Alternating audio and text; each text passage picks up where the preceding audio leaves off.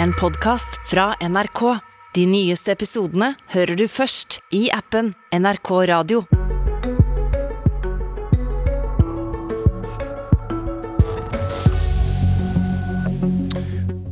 Går det mot krig nå? Putin har anerkjent de to utbryterrepublikkene øst i Ukraina og sender inn soldater. Hvordan skal Norge og andre land som ser på dette, reagere? Er vi på vei mot en ny kald krig? Vesten mot Russland? En spansk journalist forteller om en diskusjon mellom ukrainske mødre på Facebook om de skal merke klærne til barna sine der det står hva slags blodtype de har, før de sendes på skolen i Kiev. Utenriksminister Anniken Huitfeldt, velkommen til Politisk kvarter. Takk. Er vi på vei mot krig? Det er det for tidlig å si noe om. Men dette er jo militær aggresjon. Det er klare brudd på folkeretten. Så det er en veldig alvorlig situasjon, og et, kan bli et vendepunkt i Europas historie. Når Russland nå anerkjenner disse utbryterrepublikkene og sender inn soldater, eller fredsbevarende styrker, som Putin kaller det, er det en invasjon av Ukraina? Ja, Det vil vi vurdere i løpet av dagen sammen med andre allierte, basert på situasjonen på bakken. Hva vet du om den? Eh, vi får jo stadig rapporter om dette, men jeg kan jo ikke basere mine uttalelser på nyhetsmeldinger. Men det som er den faktiske styrkeoppbyggingen på bakken. Eh, slik at det vil jeg komme tilbake til og diskutere med mine europeiske kollegaer, som jeg er i stadig kontakt med, og også andre i regjeringen. Er det sånn at dere har ikke fått bekrefta at det er busser med soldater inne i Ukraina eh, som er russiske, at stridsvogner som er russiske er inne i Ukraina? Ukraina? Det vet vi ikke ennå. Altså, jeg vil komme tilbake med en mer konkret beskrivelse av situasjonen når jeg blir informert videre i løpet av dagen. Men den er jo alvorlig nok. Dette er klare brudd på folkeretten. slik at vi skal ikke være tilbakeholdne med fordømmelse på det nåværende tidspunkt. Er det noen vei tilbake nå, hvis de er inne i Ukraina? Vi vet jo ikke hva som er fortsettelsen. Det som er urovekkende, er jo Putin sin tale i går kveld, hvor han eh, omtrent ikke anerkjenner Ukrainas rett til å være et selvstendig land, hvor han skriver om hele Ukrainas historie, eh, til tross for at Russland har skrevet under på at eh, Ukraina kan være et selvstendig land. Det gjorde de i 1994. Og vi vet jo ikke hva som er fortsettelsen om det blir ytterligere militære skritt. Men det kan jo tyde på at han har altså større ambisjoner, og og at, at, han ikke respekterer at Ukraina er et selvstendig land. Og Det er jo det som er urovekkende. Hva legger du i større ambisjoner? Ja, At han ønsker å påvirke Ukrainas demokratiske utvikling som en selvstendig land. Og at de ikke har eh, rett til å eksistere uavhengig av Russland. Og Det er nettopp denne historiefortellingen som er etter min mening bekmørk. Ligger det i det at uh, han ønsker at Ukraina skal bli en del av Russland, og ikke være Ukraina lenger? Vi vet jo ikke hva som skjer. Eh, men det er jo denne historiefortellingen hvor han sier at dette er en eh, del av Russland. Det er jo eh, her Russlands historie ligger. Og det er jo nettopp denne selektive historiefortellingen som er veldig urovekkende, og som etter min mening er mørk. Guri Melby, leder i Venstre, velkommen. Takk. Hva kan Norge og andre land gjøre nå? Det er jo ingen tvil om at det er en utrolig krevende situasjon. Jeg er veldig glad for at både Norge og andre Nato-land er så tydelige i sin fordømmelse over den eh, eskaleringa som vi nå har sett da, det siste døgnet. Um, og det vi har vært opptatt av nå, er i hvert fall å snakke om hva vi kan gjøre for å bidra til økende trygghet i regionen. Altså ikke bare Ukraina, men også Ukraina sine naboland. Det som er krevende, er jo at det virker jo som Putin bevisst bruker en form for svakhet i Nato. Altså det her med at ingen land kan tas opp i Nato dersom de er i en konflikt om grenser. Nå er jo da eh, Ukraina i en konflikt om sine grenser. Eh, Georgia er det samme. Og det gjør jo egentlig at eh, i forhold til Natos egne kriterier, så er det umulig for disse landene å bli Nato-land. Samtidig så er det også kjernen i konflikten, at Putin ikke ønsker at de skal bli Nato-land. Så Det som jeg tror er viktig at skjer nå, er jo at vi greier å åpne opp den døra. Eh, og vise fram hvordan vi kan bidra til økt trygghet i regionen, og hvordan vi kan få et tettere samarbeid med landene i regionen. Og Da mener jeg at Norge bør gå foran i det. Hva syns du om timingen for det utspillet, Huitfeldt? Jeg er dypt uenig med Melby når hun snakker om svakhet i Nato. Jeg møtte den ukrainske utenriksministeren for to dager siden. Han sier det motsatte. At det er en samlet og sterk reaksjon fra Vesten denne gangen, som vi ikke så i 2014. Og I denne situasjonen så mener jeg vi skal ha fokus på det som er det viktige. Og det er at Russland ønsker en avtale om at ingen flere land skal bli medlem av Nato. Og Det er jo det vi protesterer mot, sammen med andre Nato-land, men også våre nordiske land. At hvert enkelt land skal få lov til å velge sin sikkerhetspolitiske orientering. Og Det å bidra til splid i Nato om dette spørsmålet, det mener jeg ikke vil styrke situasjonen og Nato-samholdet slik situasjonen er akkurat nå. Altså, jeg har ikke sagt noe om reaksjonen til Nato, at den har vært for svak. Eh, det som er Utfordringa er jo at selv om vi står sammen å si at Putin ikke skal få lov til å diktere hvilke land som skal bli med i Nato, så er det i praksis det han gjør. Med den måten han anerkjenner disse utbryterrepublikkene i Ukraina, han har gjort det samme også i Georgia, så betyr det jo at det er i praksis umulig å ha på en måte reelle diskusjoner om eventuelle utvidelser i Nato i framtida. Det som skjer nå, er jo at Putin med den måten å gå fram på, egentlig dytter mange av disse landene enda nærmere mot Nato og enda lenger fra seg sjøl. Eh, men utfordringa er jo at eh, Nato i praksis, ut ifra den situasjonen vi har i Europa nå, er stengt for videre utvidelser. Og Det betyr jo at den situasjonen som vi nå ser i Ukraina, ikke bare får konsekvenser for Ukrainas befolkning, men også befolkninga i mange av de tidligere sovjetstatene. Jeg er litt usikker på hva Melby mener med at Nato i praksis er stengt. For det er jo nettopp dette vi har snakket om hele tiden. At det er jo hvert enkeltland som må avgjøre sin sikkerhetspolitiske orientering.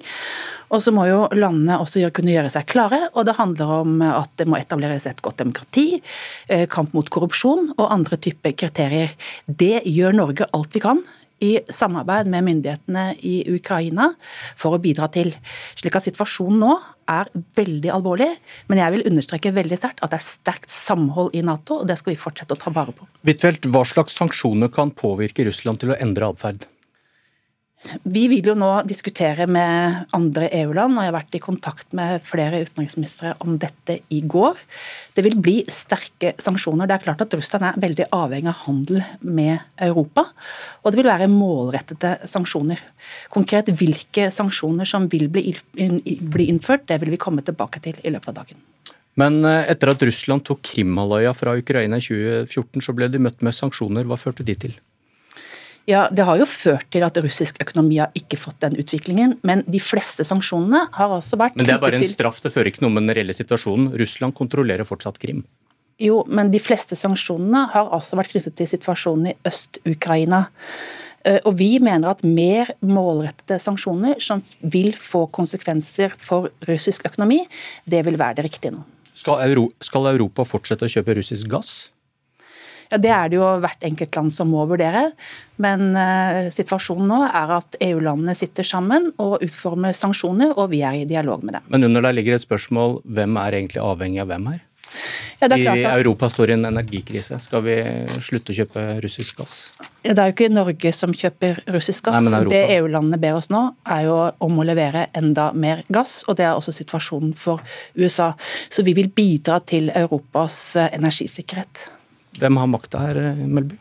Det er ingen tvil om at Europas avhengighet av russisk gass er en stor utfordring. Eh, det er jo nå flere som har eh, løfta diskusjonen om den nye gassrørledningen til Europa. At den, i den situasjonen vi står i nå, ikke bør fullføres. Det å øke Europas avhengighet til Putins Russland på det tidspunktet vi står i nå, mener jeg er veldig farlig. Det bør vi ikke gjøre. Vi er naboer med Russland, Huitfeldt. Hva skjer med det naboskapet nå? Vi har jo vist at gjennom urolige tider så har vi klart å bevare en del av dette samarbeidet. Fiskerisamarbeidet har jo fungert siden den kalde krigen. Det vil vi fortsette med. Samarbeid om søk og redning. Der har vi stadig utvidet samarbeid. Så vår oppgave er å være tydelig på folkerettsbrudd. tydelig eh, når vi beskriver den russiske aggresjonen, men vi ønsker å ta vare på lav spenning i det høye nord. Lav spenning i det høye nord tror jeg vi er helt enige om, men jeg mener også at vi i Norge må ha en diskusjon om hva slags konsekvenser det som nå skjer i Ukraina, må få for samarbeidet mellom Norge og Russland. Takk, Anniken Huitfeldt. Takk, Guri Melby.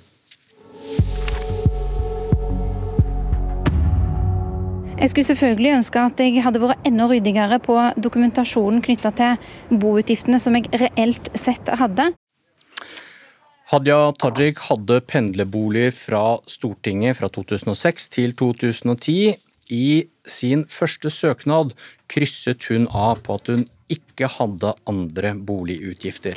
Men etter at hun var blitt gjort oppmerksom på at pendlerboligen i så fall var skattepliktig, sendte hun inn en ny søknad hvor hun la en leiekontrakt på en kjellerleilighet i Rogaland.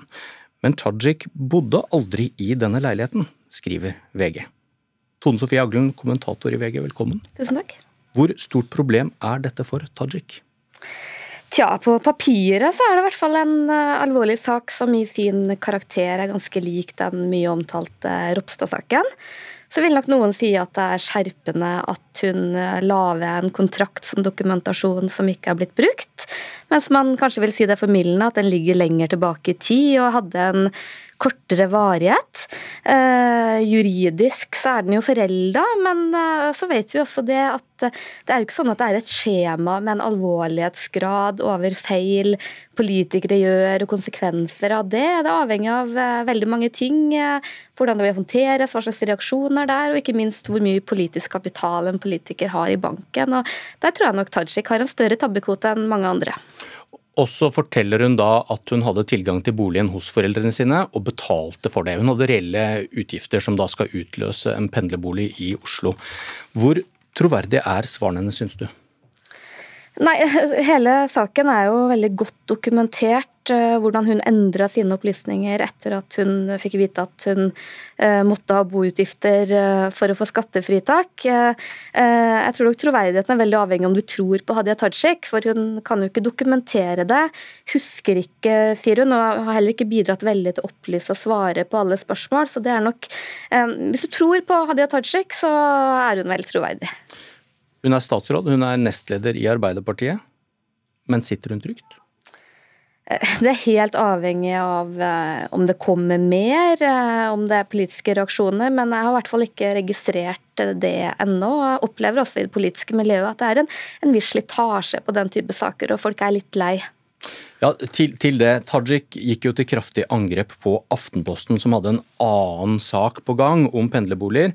Og det Angrepet fikk i første omgang støtte fra ganske mange, eh, også fra andre partier. og Det var før dere i VG da kom med deres sak. Men hvorfor tror du hun fikk så mye støtte fra politikerkolleger i andre partier? Nei, Jeg tror det handler øh, i utgangspunktet om at Hadia Tajik har mye sympati og opplevd øh, ganske mye krevende situasjoner. Jeg tror jeg mange politikere er ganske lei av alle disse sakene som handler om øh, pendlerboliger og andre reiseregninger og andre ting. Opplever kanskje at media er blitt i overkant uh, spør veldig mye, graver i veldig mye og føler seg litt sånn mistenkeliggjort. Jeg tror Politisk så er man litt, sånn, litt, litt lei av det der, ønsker å komme videre og syns det var litt sånn positivt at hun sto opp mot uh, mediene, men kanskje ser litt annerledes på det etter at VG sin sak kom. Du skriver at dette angrepet på Aftenposten er PR-messig beundringsverdig. Hvordan da? Ja, vi er jo i en situasjon da, hvor vi på Politisk kvarter i går vi satt og snakka om eh, debatten mellom eh, Aftenposten og Hadia Tajik. Vi snakker om hennes PR-strategi, snakker veldig lite om innholdet i denne pendlersaken. Og om det har vært tilsikta eller ikke, det vet ikke jeg, men det har i hvert fall funka for å få oppmerksomheten bort fra innholdet i saken. Overskriften på din kommentar er 'Hadia Tajiks røykteppe'. Hvordan vet du om hun angrep Aftenposten for å få fokus vekk fra deres sak i VG? Ja, det kan jeg selvfølgelig ikke vite, men eh, det har i hvert fall hatt eh, den konsekvensen. Vi snakker mye mindre om innholdet både i Aftenposten sin sak og VG sin sak, eh, og snakker veldig mye om meta. Så det har i hvert fall fungert hittil. Er vi i pressen flinke til å ta imot kritikk, syns du? Ja, Det enkle svaret på det er vel nei, og det tror jeg vel er noe vi må øve oss på å bli, og jeg tror vi er nødt til å bli det mer i framtida. Takk, Tone Sofie Aglen. Det var Politisk kvarter. Jeg heter Bjørn Myklebust.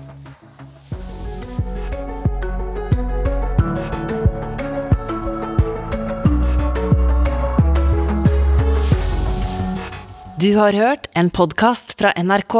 De nyeste episodene hører du først i appen NRK Radio.